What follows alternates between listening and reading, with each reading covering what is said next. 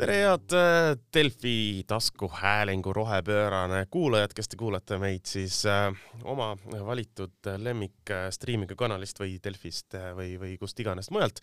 igatahes meie juba seitsmes saade, ma ütleks, et see on niisugune märgiline, märgiline saade, sest et seitsme aastaga pidi olema suhtest tulema ebaõnn, siis seitsme saatega loodetavasti näiteks ei tule mingisugust ebaõnne meil. igatahes rohepöörane alustab, mina saatejuht Mart Valner ja minuga koos, nagu ikka, on nagu ikka, Madis Vasser, seitsmes saade, see võiks ikka olla õnnenumber jah, aga nüüd ma avan oma traditsioonilise mullijoogi ja see võib pritsida igale poole ja siis on meil ebaõnn.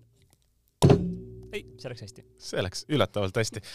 nii äh,, väga hea äh,, kes ei tea, siis äh, Madis ilma mullijoogita on saadetes oluliselt äh, taga, tasakaalukam ja, ja rahulikum. mitte pöörasem. jah, mida ometigi mitte keegi meist ju ei soovi nii, paar nädalat äh, möödas viimasest saatest äh,, millel oli rekordiliselt palju kuulajaid, sellepärast et millegipärast kõiki huvitas, mida meie arvame uuest keskkonnaministrist äh,, kes on nüüd siis paar nädalat ametis olnud ja ma arvan, et ühtegi uut arvamust vahepeal oluliselt tekkinud ei ole või kuidas sul, Madis?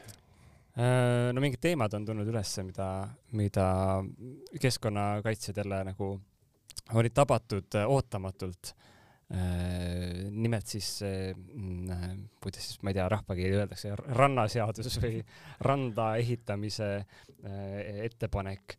Ja see on nüüd see, mis on ajanud kõik tagajalgadele absoluutselt, see on nüüd üks, üks, üks eelnõu tegelikult, seadusega ju tegemist veel ei ole, eks ole. eelnõu, mis siis peaks vähendama ehituskeeluvööndit rannast siis praegusest kahesaja meetri pealt kahekümne meetri peale. üks selle eelnõu algatajatest siis tõesti ka on praegune keskkonnaminister, aga algatas ta seda siis Riigikogus mitte kui keskkonnaminister, vaid siis mis ta oli siis Riigikogu liige ja põlevkivi toetuskomisjoni esimees ja, ja kõike muud. et. ta oli ka vesinikukomisjonis, nii et võib-olla. ja, ja ka vesinikukomisjonis. vesi, meri, järved ja, ja, ja absoluutselt omavahel väga tugevalt seotud asjad. Äh, ühesõnaga, millest siis küsimus jah, on selles, et äh, põhimõtteliselt saab äh, randa lähemale ehitama hakata. kes tahab natukene praeguse ministri arvamust selle kohta kuulda, siis, siis Johanna kirjutas ju ka Delfis artikli sellel teemal, kus pikk intervjuu ministriga oli, milles üks, üks osa oli, üks küsimus selle kohta oli ja minister vastas, et, et on äärmiselt meeldiv, et inimesed saavad nüüd oma kalakuute ehitada merele lähemale kui kakssada meetrit, mitte et seda praegu otseselt teha poleks saanud aga, aga probleem iseenesest äh, on, on siis äh, looduskaitsjate seisukohas äh, ja võib-olla ka inimeste endi seisukohas see, et kes oma ujumiskohale ja ranna äärde ikkagi seda majakest tahab, see on see esteetiline vaatepunkt, teine vaatepunkt on see, et kui me samal ajal teeme projektsioone, kui suur osa rannikualast vee alla jääb, kõlab kuidagi ebaloogiliselt lubada äärmiselt lähedale sinna, sinna midagi suurt ehitada, et siin mõned praegu juba randa ehitatud majad hakkavad vaikselt ju vajuma, eks ole.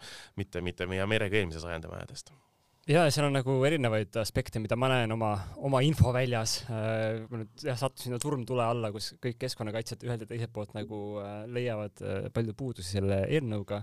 no võib-olla liiga pikalt ei maksa sisse minna, et seal on ilmselgelt nagu looduskaitselised küsimused, rohekoridoride küsimused on ju, mis siiamaani on seal mere ääres, käivad ka peal inimeste mõned loomad näiteks.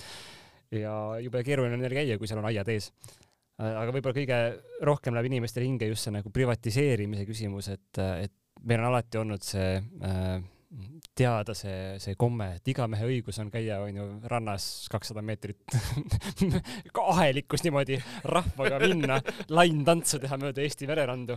ja see on olnud võimalik ja, ja mure on see, et kas see nüüd saab olema mitte nii võimalik ja, ja see mure on nagu selles mõttes õigustatud, et mujal maailmas äh, siukseid arenguid on olnud. mul üks äh, tuttav rääkis, kuidas tema äh, sattus Mauritiusele ja siis äh, see on põhimõtteliselt nagu ka kena rannaga piirkond, aga et randa minna, sa pidid otsima seda õiget koridori sest sa olid kuskil tänava peal ja seal oli üks väike silt, et siit poe läbi, siis on väike rannariba, aga noh, kõik oli täis ehitatud, et äh, ta nagu oli rannas, aga ei olnud ka, et äh, sellist Eestit me ju ei taha. jaa, aga noh, sam-, samal ajal muidugi küsimus tekib, et ega see noh, esiteks kakskümmend meetrit sinna peale mahub Äh, kümme inimest üksteise taha niimoodi pikali viskama.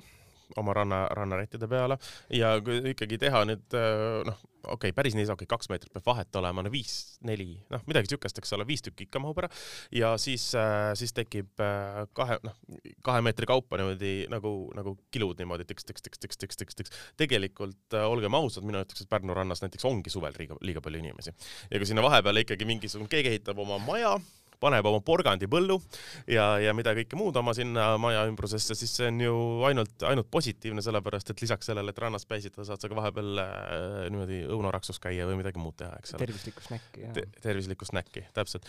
et äh, noh, keskkonnakaitselise külje pealt loomulikult äh, need noh, vaadates seda, et Eestil on praeguseks minu meelest vähemalt kümme aastat juba olemas kliimamuutustega kohanemise arenguprogramm ja arengukava Äh, mille üks osa on ikkagi see, et kuidas rannajoont kindlustada äh, ja, ja kuidas äh, saada hakkama siis teoreetiliselt suuremate üleujutustega, lisaks siis veel ka loomulikult üleüldise merevee taseme tõusuga, mis noh, muidugi Eesti puhul jälle on see, et me oleme siin suurepärases äh, kohas äh, Läänemere kaldal, kuhu see veetaseme tõus nii kiiresti ei jõua, kui ta jõuab kuhugi Vaiksesse ookeanisse, eks ole. no ta ei ta ei tule nagu jah, ta tuleb aeglaselt, aga äh, ka meil on neid nagu tormi, tormi siukseid tõuse, mis on ootamatud, et kui sul on ikkagi jube madal rõhkkond ja samal ajal puu, tuul puhub õiges suunas, siis see vesi lihtsalt tuleb mulle kohe kangestus nagu näide siin äh,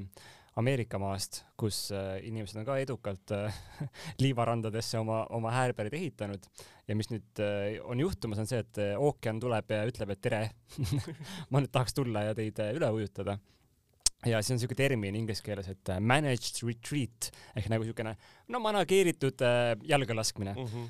ja paljud kohalikud seal, see vist oli siis lääne kaldal äkki, ütlevad, et nad ei taha sellest midagi kuuldagi, et nemad on ehitanud oma maja randa ja neil on õigustatud ootus, et see maja püsib seal igavesti.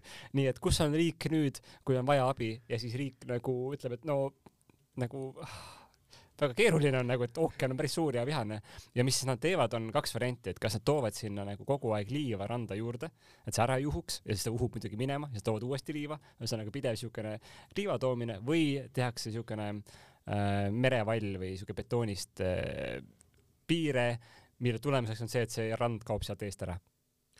Jah, noh, müüre Ameerikas äh, ju osatakse ehitada, vähemalt äh, plaanid nende ehitamiseks on väga, väga head ja suured. kuule, aga kas sina näed ka siin sellist äh, äh ikkagi endiselt äh, teatavat kaevanduse lobi, et äh, äh, liivakaevandused Eestis, kui me hakkame nüüd tõesti randu täis ehitama, sinna tuleb pidevalt liiva juurde viia. äh,, siis see tähendab tohutut kaevanduse, äh, kaevanduse tõusu, kaevandusmahtude tõusu.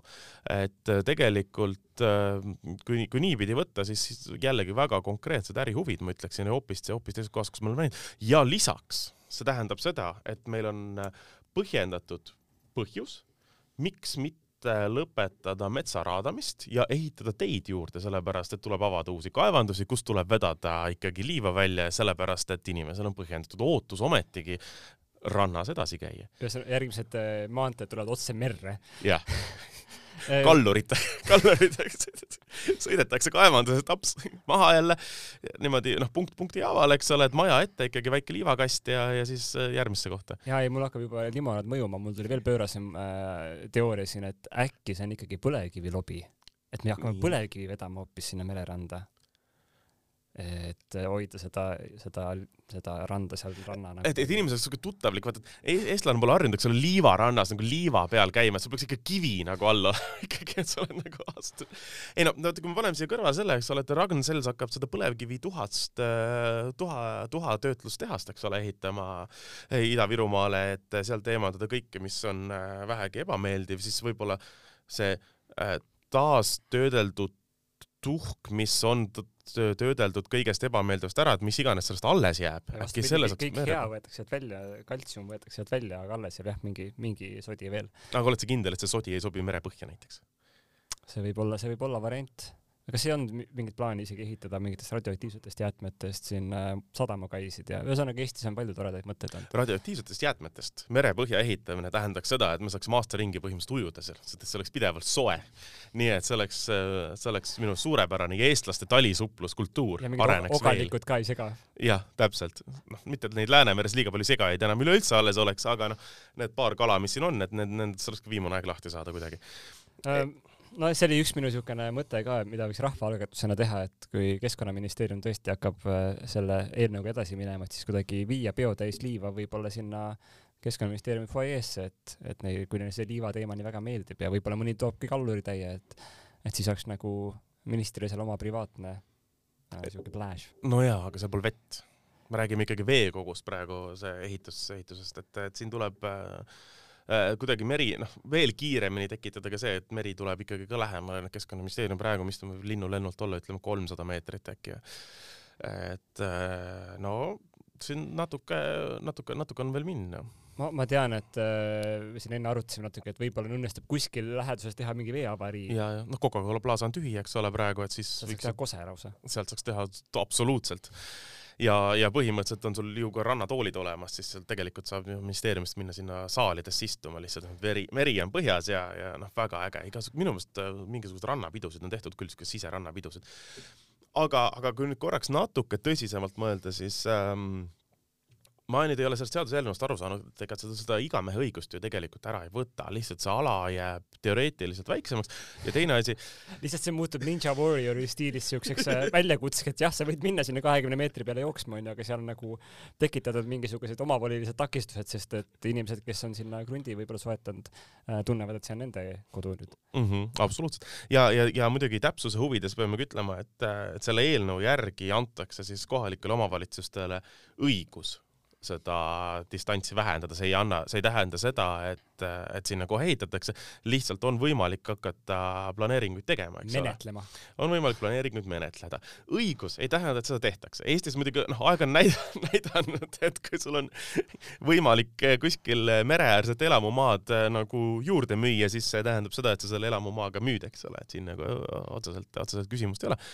aga, aga noh, et see ei ole, ei, ei tekita seda kohustust muidugi noh, jällegi hetkel me oleme eelnõu staadiumis, et äh, keskkonnakaitsjate poolne vastuseis on suhteliselt tugev. Äh, jagasid enne ka rahandusministeeriumi poolseid kommentaare need ei olnud ka väga pooldavad, kui ma mäletan õigesti. jah, et ka teised ministeeriumid on, äh, vaatavad sellele eelnõule otsa ja ei saa aru täpselt, kust see nüüd tuli ja miks see tahab kogu seda süsteemi, mis on siiamaani olnud ja kokku lepitud, nüüd uppi keerata, nii et ilmselt see kaugele ei uju aga, aga mõnes mõttes minu jaoks see on äh, märk sellest, et äh, et keskkonnaminister saab väga hästi aru kliimamuutuste mõjudest. Ja sest see käitumine meenutab natukene siukseid osasid saareriike, kes on ka nagu kohe-kohe vee alla jäämas. Ja nemad on ka avanud nüüd näiteks oma rannajooned suurtele arendustele. Ja see loogika on see, et noh, paneme täiega, kuni veel saab. Niikuinii varsti on need rannad läinud, aga las keegi loll ehitab sinna maja enne jah, äkki see keegi loll ehitab siis sinna ka neid igasuguseid äh, kaitse- ja turbesüsteeme, eks ole, kõik, kõiksuguseid äh, muid valle on need äh, legaalselt sinna püsti pandud või mitte. no see on juba siis tema mure riik ütleb, et noh, ise ehitasid randa, mingi segi oled peast see, see, et mina sulle loa andsin, ei tähenda, et sina pead seda tegema, eks ole. täpselt, see ei olnud kohustus. absoluutselt.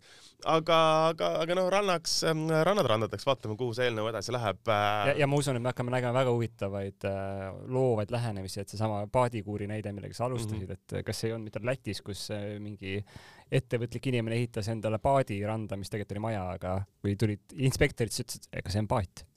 ta lihtsalt on kuivas, kuivalt siin hästi suur ja näeb välja nagu maja noh, see on, see kõlab väga loogiliselt, mulle, mulle tuleb meelde mingi paari aastane tagune Tartu juhtum, kus keegi äh, renoveeris oma kuuri äh, niimoodi, et vundament jäi alles, et enne oli puukuur ja see vundament jäi alles ja siis ta renoveeris selle kolmekordseks et see, see on ka nagu natuke sinna et äh, see, see on minu paadikuut. paadikuur tähendab, eks ole, et noh, siin näete, seina peal on üks pudeli sees paat, aga muidu ma elan siin. ja kui see et... oli, see pudeli, pudelipaat oli võib-olla veel kõige viimasel korrusel, siis ta oli põhimõtteliselt paadialune jah, noh põhimõtteliselt mina paadialusena elan siin rannas viimast võimalust ja teie tulete minna seitsmekordselt, tähendab. nii, aga, aga, aga inimesed tahavad randa saada ja tahavad randa saada suviti äärmiselt ruttu ja, ja kiiresti, kes on äh, Tallinnas äh, suvel olnud, teab, et äh, nii kui tööpäev hakkab lõppema suvisel ajal, siis umbes kell üks, äh, siis on kõik teed ummistunud ja kihutatakse randa. teine teema, millest natuke tahtsime rääkida, on see, et kihutamine Tallinnas üleüldse viiskümmend äh, on ülepeakaela kiire, räägitakse siin äh, juba tõsisemalt meeli, arvamusi avaldatakse, et võiks olla Tallinna liikumiskiirus kolmkümmend kilomeetrit tunnis.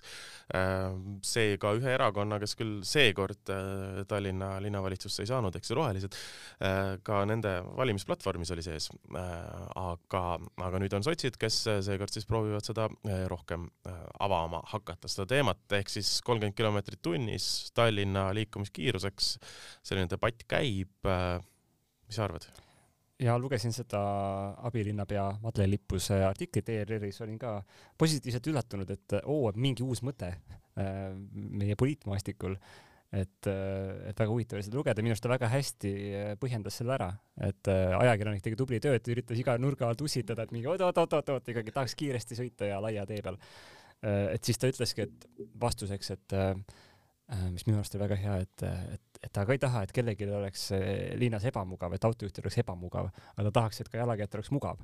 on ja selle nimel tuleb hakata võtma kuskilt äh, ümber jagama seda ruumi, mis täna on suuresti autokeskne, et meil on niisugune autokultuur või autostumise kultuur. et teeme kõige selle õiglasemaks ja siis on kõigil mõnus nojaa, aga see nõuab ikkagi oluliselt suuremat süsteemsemat muutust kui seda, et me nüüd võtame äh, noh, me oleme siin Narva maanteel, eks ole, siin niikuinii see tänav võeti juba väiksemaks, sellepärast et keegi hull tegi mingisuguse rattatee, eks ole. aga, aga, aga nüüd reaalselt, ega noh, see, see, see on natuke teistsugune linnaruumi lähenemine ja linnaruumi mõtlemine kui see, et me lihtsalt nüüd paneme viiekümne märgi asemel kolmkümmend ja ütleme, et siinsamal teel sõidate kolmekümnega, eks ole, et noh, tõesti, kus sul on äh, kolm-neli rida kõrvuti, eks ole, äh, seal ei, seal ei ole mingit moodi otstarbekas äh, selliseid kiiruseid hoida.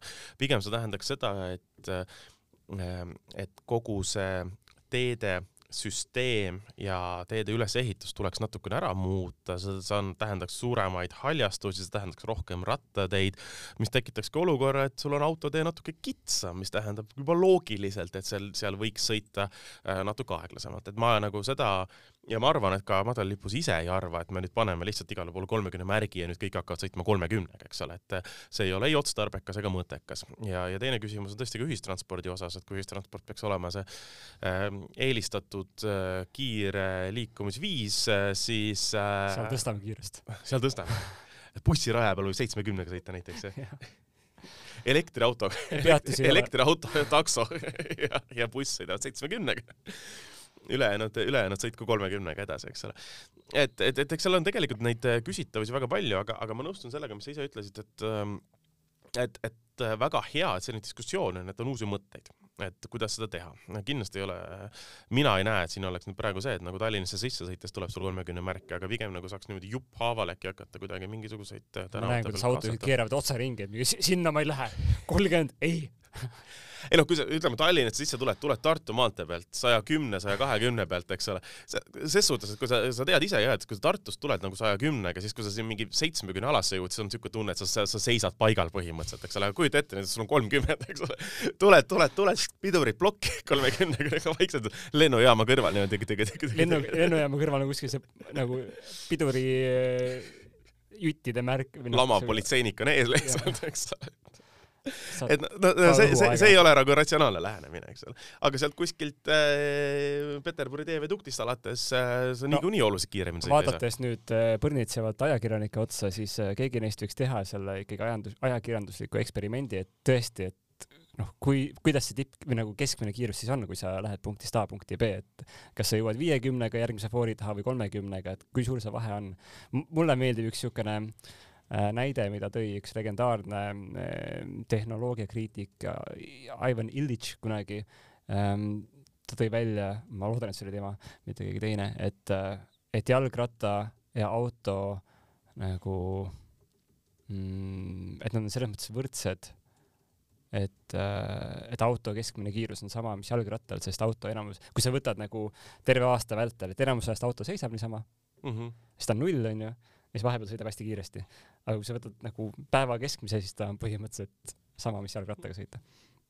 Ja kui sa ei arvesta teist tulevikuperspektiivi, mis tähendab seda, et inimestel ei ole vaja oma isiklikku autot, meil on enamik autod auto jagamises ja mis tähendab seda, et kui praeguse seisuga auto üheksakümmend viis protsenti ajast seisab, siis ta on pidevalt kuskil sõidus ja sa võtad selle siis, kui seda vaja on. Äh, mis tekitab, aga noh, see on nüüd juba, juba, juba natuke teine küsimus. mina, mina hiljuti võtsin ühe auto jagamise auto ja siis äh, see oli elektriauto, aga eelmine kasutaja oli võtnud laadimiskaardi kaasa, siis mul oli väga lõbus kas avastasid selle imaveres näiteks või midagi ma avastasin kohe alguses, kui ma ei saanud laadijast kätte seda autot, et ära sõita. aga ei, see lahenes, see lahenes, aga see on siis nagu teistsugune siuke sotsiaalne eh, te, apsakas, mis, mis võib tekkida. mul endal on hea näide nagu Tartu linnast nende autode ja rataste ja, ja linnapildiga, et Tartus on jutumärkides lai tänav ja laial tänaval on, ma sõidan sealt tihti rattaga, sest et see jääb minu töö ja kodu vahele.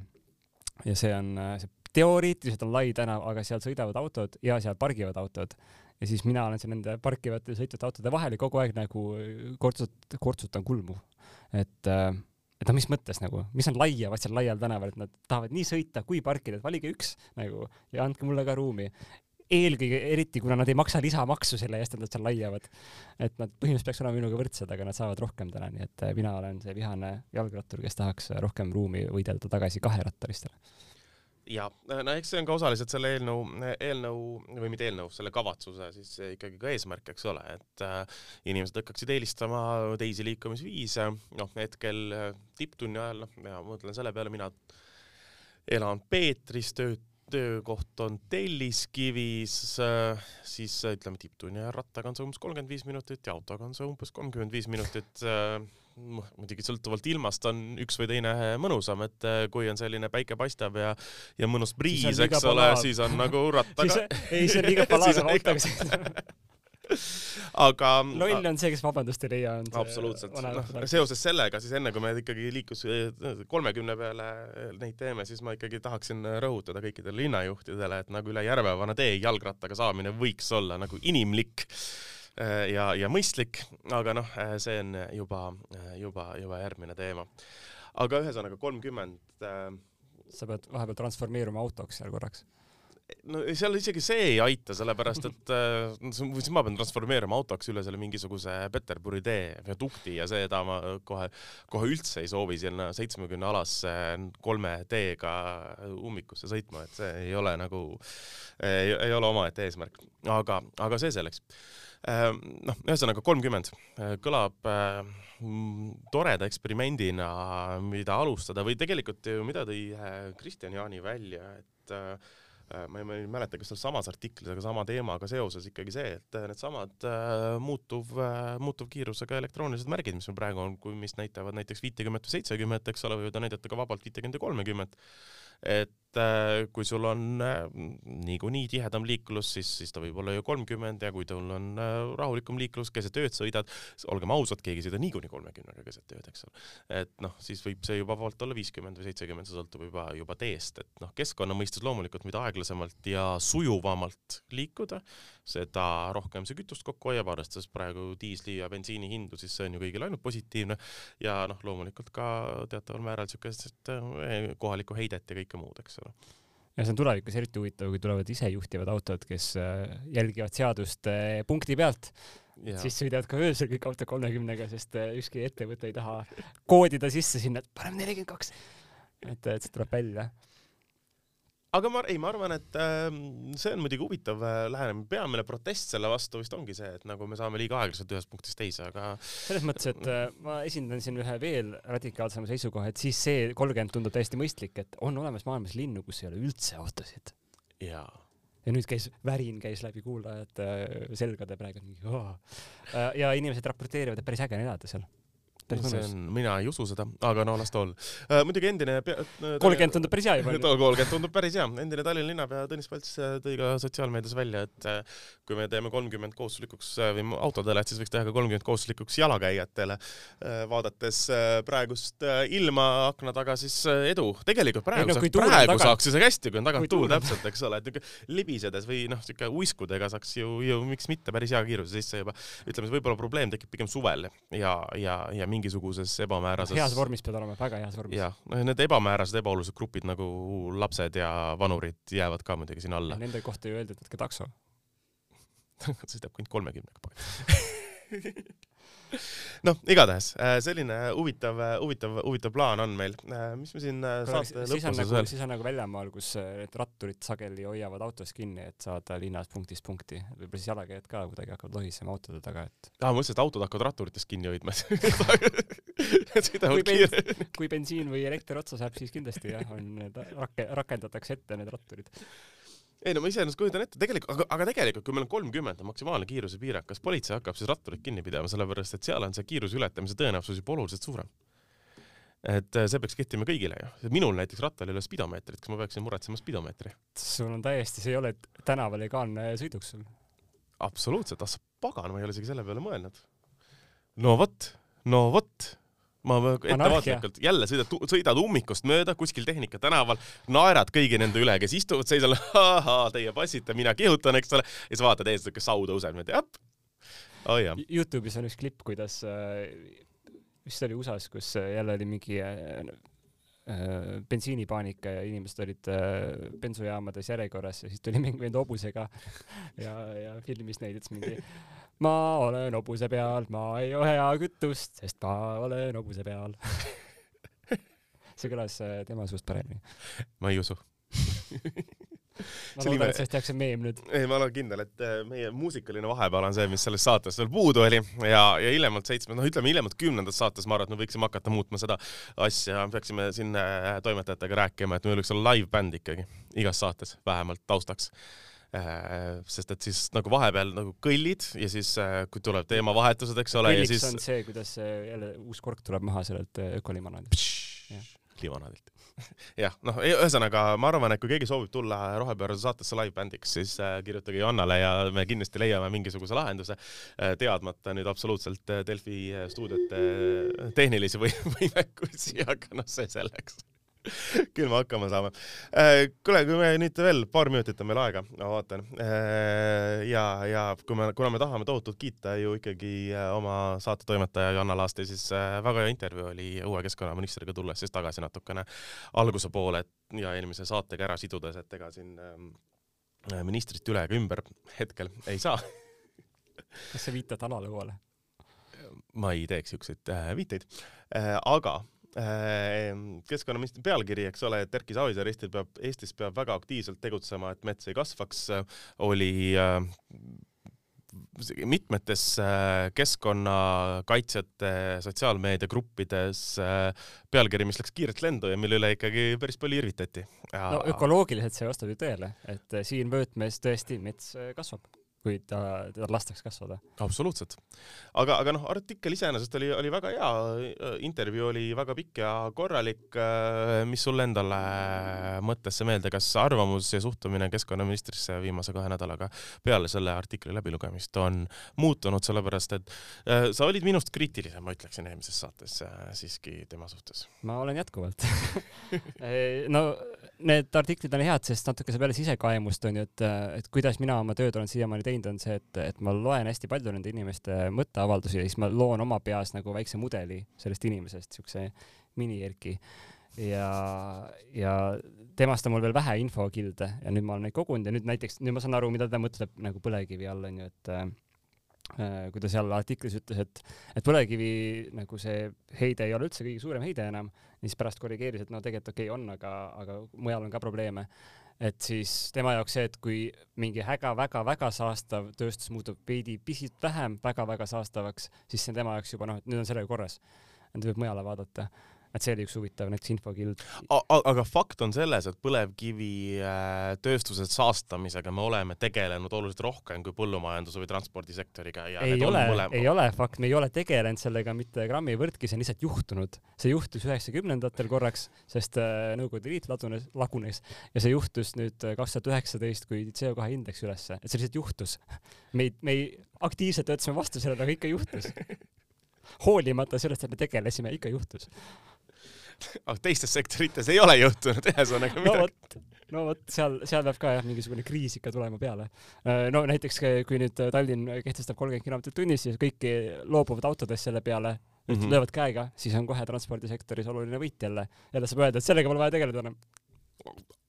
iseenesest jällegi õige, sellega on ju tegeletud siis mitte, et sellega ei pea tegelema, aga no okei okay,, ma saan su mõttest aru äh.... aga seda pealkirja võiks ka teistpidi panna jah, et et autostumine kasvab, kui sellega aktiivselt ei tegeleta, on ju samamoodi, et see on ka niisugune natuke paratamatus, et et eestlastel on tung ikkagi minna sinna suurte autode poole, kui jälle uusi teid tuleb, mida siin, ma saan aru, inimesed äh, tahavad igale poole ehitada. no väga hea, saab, võtab metsad maha, saab autoga sõita. praeguse ilmaga, igaüks otsib praegu parklat, kus saaks nagu selliseks tühi plats, kus saaks taarutada, kaheksaid teha ja, ja mida kõike veel, väga äge on.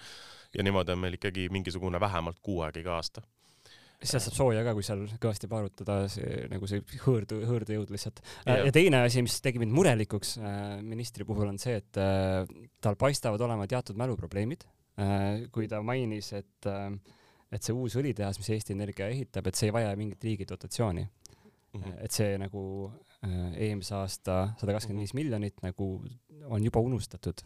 ta, ta ei vaja enam